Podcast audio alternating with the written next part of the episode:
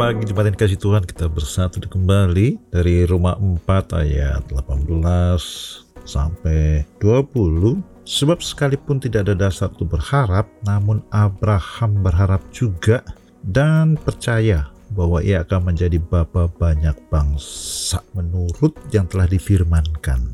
Demikianlah banyaknya nanti keturunanmu. Jadi Tuhan berjanji bahwa Abraham yang belum punya anak waktu itu akan memiliki keturunan yang banyak sekali. Karena dia sudah 100 tahun dan rahim Sarah telah tertutup, sudah mandul ya, sudah menepos, tidak bisa punya anak lagi. Tetapi terhadap janji Allah ia tidak bimbang karena ketidakpercayaan, malah diperkuat dalam imannya dan ia memuliakan Allah. Jadi kalau orang bilang saya ingin memuliakan Tuhan, saya mau membuat Tuhan dipuji-puji. Cara yang paling efektif adalah dengan percaya sekalipun mustahil. Itu bukti yang paling top, paling tinggi, paling mantap untuk memuliakan Allah.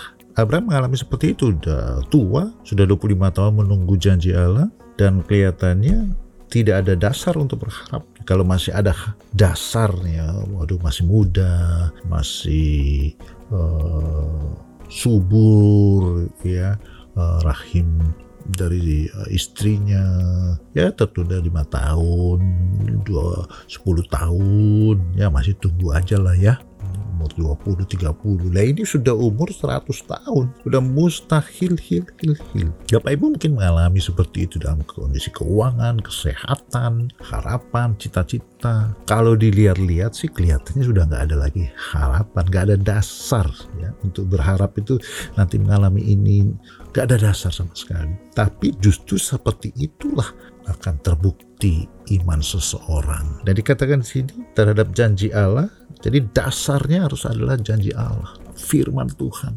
Hari ini, lalu hidup ini, jangan sekali-kali izinkan imanmu dicuri. Tuhan memberkatimu berlimpah. Amin.